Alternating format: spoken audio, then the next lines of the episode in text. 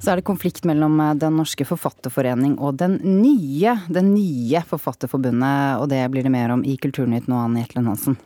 Det er sånn at flere av de største, eller noen av de mest kjente norske krimforfatterne mener at det er for vanskelig å bli medlem av Den norske forfatterforening. Nå har de altså meldt seg inn i dette nye forbundet og krever sin del av millionene fra staten kontroversielt at man i vår tid fortsatt fremstår som såpass elitistisk og opprettholder såpass strenge eh, kriterier, og til dels også litt subjektive eh, kriterier for hvem man slipper inn. Sier Hans Olav Lahlum. Sammen med forfattere som Tom Christensen, Trude Teige, Tom Egeland og Hanne Kristin Rode har han meldt seg inn i det nystartede Forfatterforbundet. De synes at for mange forfattere blir avvist av Den norske forfatterforening.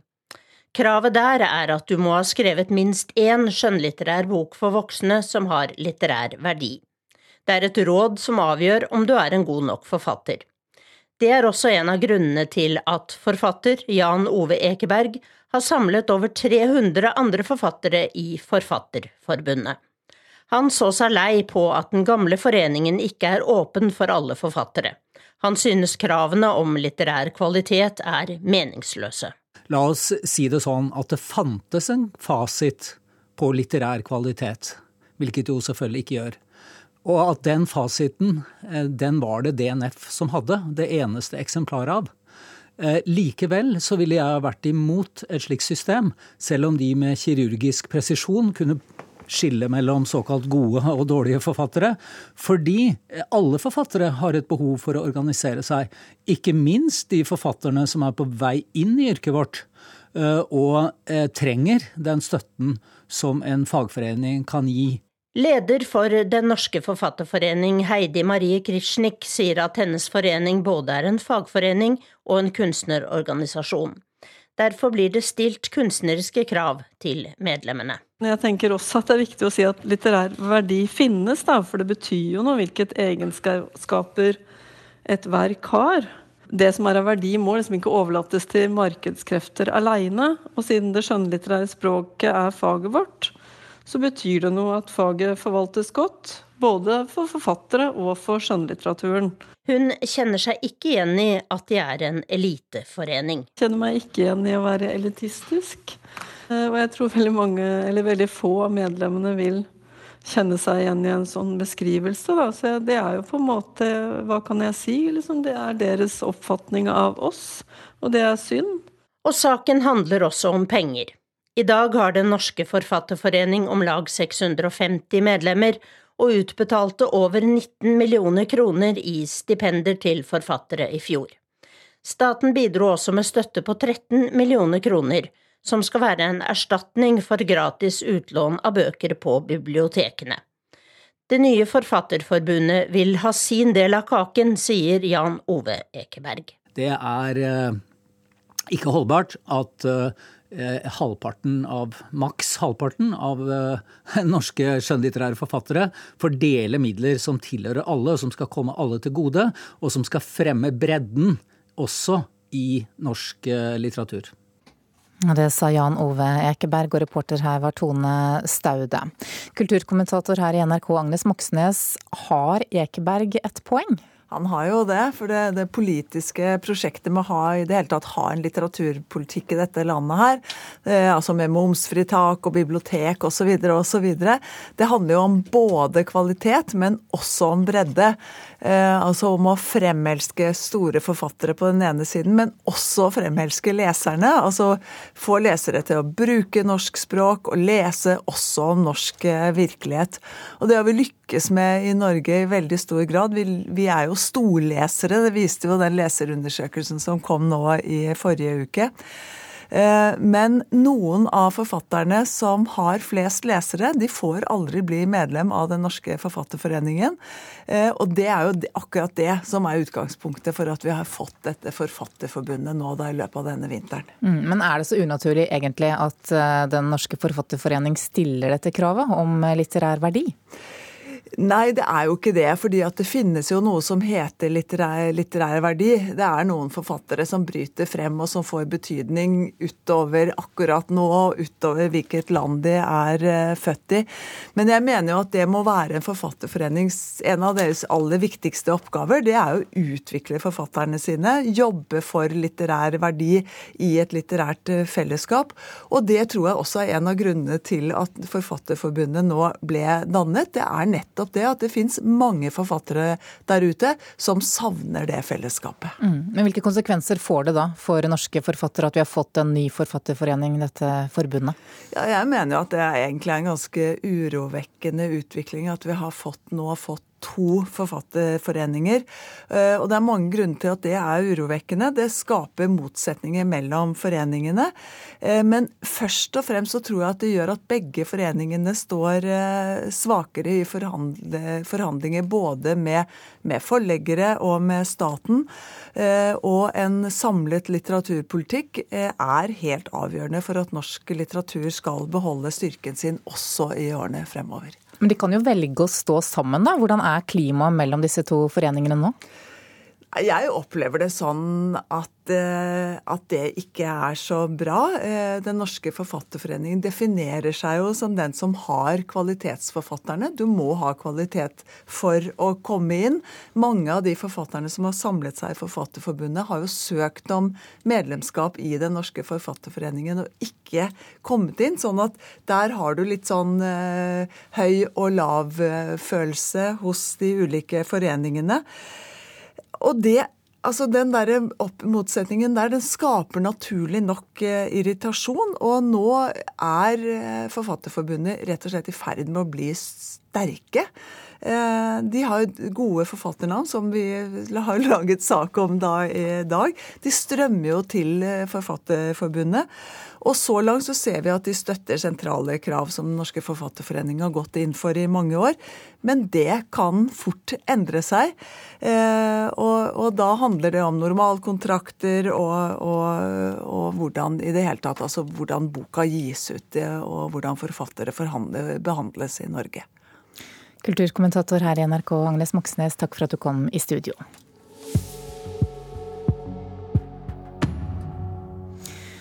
Det er for billig å gå i operaen i Bjørvika, det viser en undersøkelse fra Norges handelshøyskole. Folk tror gjerne at det er dyrere å gå i operaen enn det egentlig er. Og reporter Thomas Alvarstein Ove, hvordan henger dette sammen? Jo, det er altså en, en, masteroppgave ved Handelshøyskolen som gransker billettsalget til Den norske opera gjennom en sesong. Den viser at uh, det er de dyreste plassene som blir utsolgt først. Samtidig er mange mer opptatt av å se og høre godt enn hva billetten koster. Så studentene anslår at ved å heve prisen på de dyreste billettene med 200 kroner til en knapp tusenlapp, så kunne operaen økt inntektene sine med 26,4 millioner kroner i året, skriver skriver Aftenposten i dag. Og Hva sier Operaen til forslaget om en prisøkning? Ja, Der sier markedsdirektøren til avisen at eh, de løpende vurderer prisene. I dag har eh, Operaen de høyeste billettprisene blant alle scenene her i landet som mottar offentlig støtte. Og de befinner seg i et konstant spenn eh, der de på den ene siden skal gi flest mulig tilgang på kunsten de skaper, samtidig som de da skal utnytte mulighetene til å tjene penger, øh, mest mulig penger, på den andre siden. Mm. Fra opera til billedkunst. Det omstridte maleriet av tidligere statsråd Sylvi Listhaug skal nå skaffe penger til veldedighet. På hvilken måte?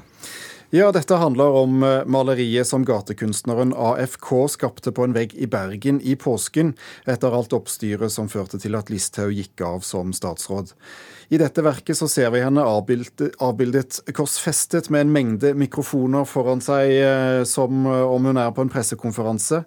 Nå skal dette stilles ut på Gategalleriet i Bergen, skriver avisen Dagen, og på den måten bidra til å samle inn penger til Kreftforeningen. Og hvordan havnet det der? Ja, Bildet ble først malt over, for det var eh, tross alt ansett som ganske kontroversielt. Men noen studenter fikk tatt det ned fra veggen nattestid og fjernet det øverste malingslaget med neglelakkfjerner, og dermed så kom motivet til syne igjen. Riktignok ikke helt uten merker av denne behandlingen. Flere kjøpere meldte seg, eh, og ifølge TV 2 så ble det solgt for hele 300 000 kroner. Kjøperen som fikk tilslaget, har eh, så gitt bildet til han som bød nest mest for bildet. Og det er Tore Gudmundstad, far til eh, journalisten Thea Steen, som skapte emneknaggen 'Sjekk deg', før hun døde av kreft for to år siden, bare 26 år gammel. Eh, nå gjør han maleriet tilgjengelig for folk igjen, til inntekt for en god sak, og der gatekunsten gjerne hører hjemme i Bergen eh, når den ikke er på gaten, nemlig på Gategalleriet. Og de venter naturligvis stor pågang for å få sett bildet igjen. Takk skal du ha, Thomas Alverstein eh, Ove. Vi skal snakke om arkitektur. Har du panoramautsikt over fjorden, eller ser du rett inn i naboens murvegg? Hva betyr egentlig lys, luft, takhøyde og utsikt for bokvaliteten? Dette er blant temaene som Nasjonalmuseet tar opp i utstillingen Visning, som er vårens hovedsatsing i Arkitekturmuseet. Mona Palle Bjerke, kunstkritiker her i NRK, forteller hva denne utstillingen handler om. Ja, Dette er en utstilling som setter søkelyset på dagens boligbygging i Norge, men med Oslo som det nærliggende eksempelet. Oslo er blant byene som vokser raskest i Europa, faktisk. Noe som har ført til en veldig sterk fortetning i enkelte byområder. Og utstillingen forsøker å belyse hva egentlig fortetning innebærer. Hvilke eksempler trekker de frem? Ja, De trekker frem bl.a. det relativt nybyggede boligområdet som heter Sørenga. Eh, det er da et veldig interessant eksempel, fordi det ser så utrolig bra ut på papiret. Det er, det er altså plassert på en pir som eh, går ut i fjorden. og Her har man forvandlet en gammel, stygg containerhavn til et attraktivt boområde, eh, som til og med munner ut i et strandanlegg, da, som også er en fantastisk allmenning midt i byen, og som fungerer veldig bra. Dette fremheves også som gode kvaliteter ved dette byområdet. Men man viser også til noen problemer som kobler seg til det at her er det faktisk vært da liksom med skoen presset inn på denne piren 750 boliger. Og naturlig nok så må det da være mange og høye hus. Og når det mange høye hus står tett sammen, så blir det store forskjeller. I toppetasjen er det lyse, luftige leiligheter med panoramautsikt, mens de mindre leilighetene er plassert lenger ned, og det er nede i skyggene, på en måte, med begrenset utsikt og, og mye innsyn. Men er utstillingens budskap at alt var mye bedre før? Nei, for de peker også på i denne utstillingen masse, en veldig sterk og viktig bevisstgjøring i forhold til eh, miljø og bærekraft, som har kommet inn i tenkningen på en veldig god måte. Men de viser også helt klart til noe som vi kanskje mange av oss er enige om, at det har vært en uheldig utvikling i boligtenkningen, i boligbyggingen i Norge, knyttet til den eksplosive prisutviklingen som vi har sett. Før hadde man jo, eller fungerte jo Obos og eh, Husbanken ikke sant, som reelle instanser som hjalp unge mennesker inn på boligmarkedet. Nå er jo unge, unge mennesker helt prisgitt eh, foreldrenes kapital for i det hele tatt å kunne lirke seg inn på dette helt ville markedet. Og Tidligere var det strenge krav eh, i, i forhold til bokvalitet, som utviklet seg fra annen verdenskrig og fremover fremover. Og det var jo ikke lov å bygge rene nordvestvendte leiligheter. Man hadde krav til solinnfall. Eh, og senere er det blitt jenket på disse kravene. Man har omdefinert solskinn til dagslys, noe som er noe helt annet. Eh, og også selvvåg, ikke sant, senke takhøyden. Det har skjedd veldig mye som har åpnet for en ganske utvidet bygging av mørke, eh, små eh, leiligheter. Eh, og det er jo da eh, noe av dette de vil vise, da, denne litt egentlig reverseringen av noe som var en veldig god utvikling i boligbyggingen i Norge fra, mm. fra 80-tallet. Veldig aktuell eh, debatt også. Hvilke andre eksempler bruker de? Ja, de bruker et eksempel, eh, et boområde som heter Kvernerbyen, men også et kvartal som liksom blir litt skrekkeksempelet, som heter Stiklestadkvartalet, som ligger på Grønland i Oslo. Og her har de gjort en veldig interessant solskinnsanalyse, eh, hvor de viser at her er det mange av leilighetene som aldri noensinne har eh, solinnfall i det hele tatt. Men Betyr det at utstillingen rett og slett fremmer en kritikk? Ja, og det er det jeg liker så godt ved denne utstillingen. For de fleste utstillinger de fremhever noe, de feirer noe, hyller noe, enten en person eller en strømning, en isme. Men dette er rett og slett en kritikk. Eh, en veldig spisset og relevant kritikk. Bidrar, og de bidrar da slik med et reflektert innspill i en veldig aktuell og interessant eh, debatt. Høres litt Oslo-basert ut? Det er det.